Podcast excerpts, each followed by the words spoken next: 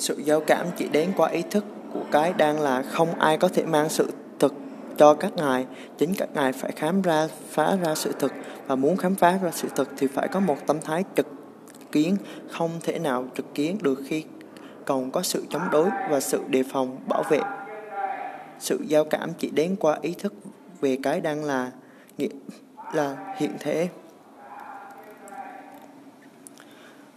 bước đầu tiên của quá trình khám phá nếu một ai đó đặt ra cho bạn một câu hỏi mà bạn không hề ai biết gì cả, vì thế bạn không vận dụng ký ức của bạn trả lời một cách chân thành rằng bạn không biết thì chính trạng thái không biết đó là bước đầu tiên trong quá trình khám phá những điều chưa biết. Khởi đầu của sự tự do, sự thông hiểu tâm thức là khởi đầu của sự tự do. Tự do không phải là cái gì đó trong tương lai, đó chính là bước khởi đầu.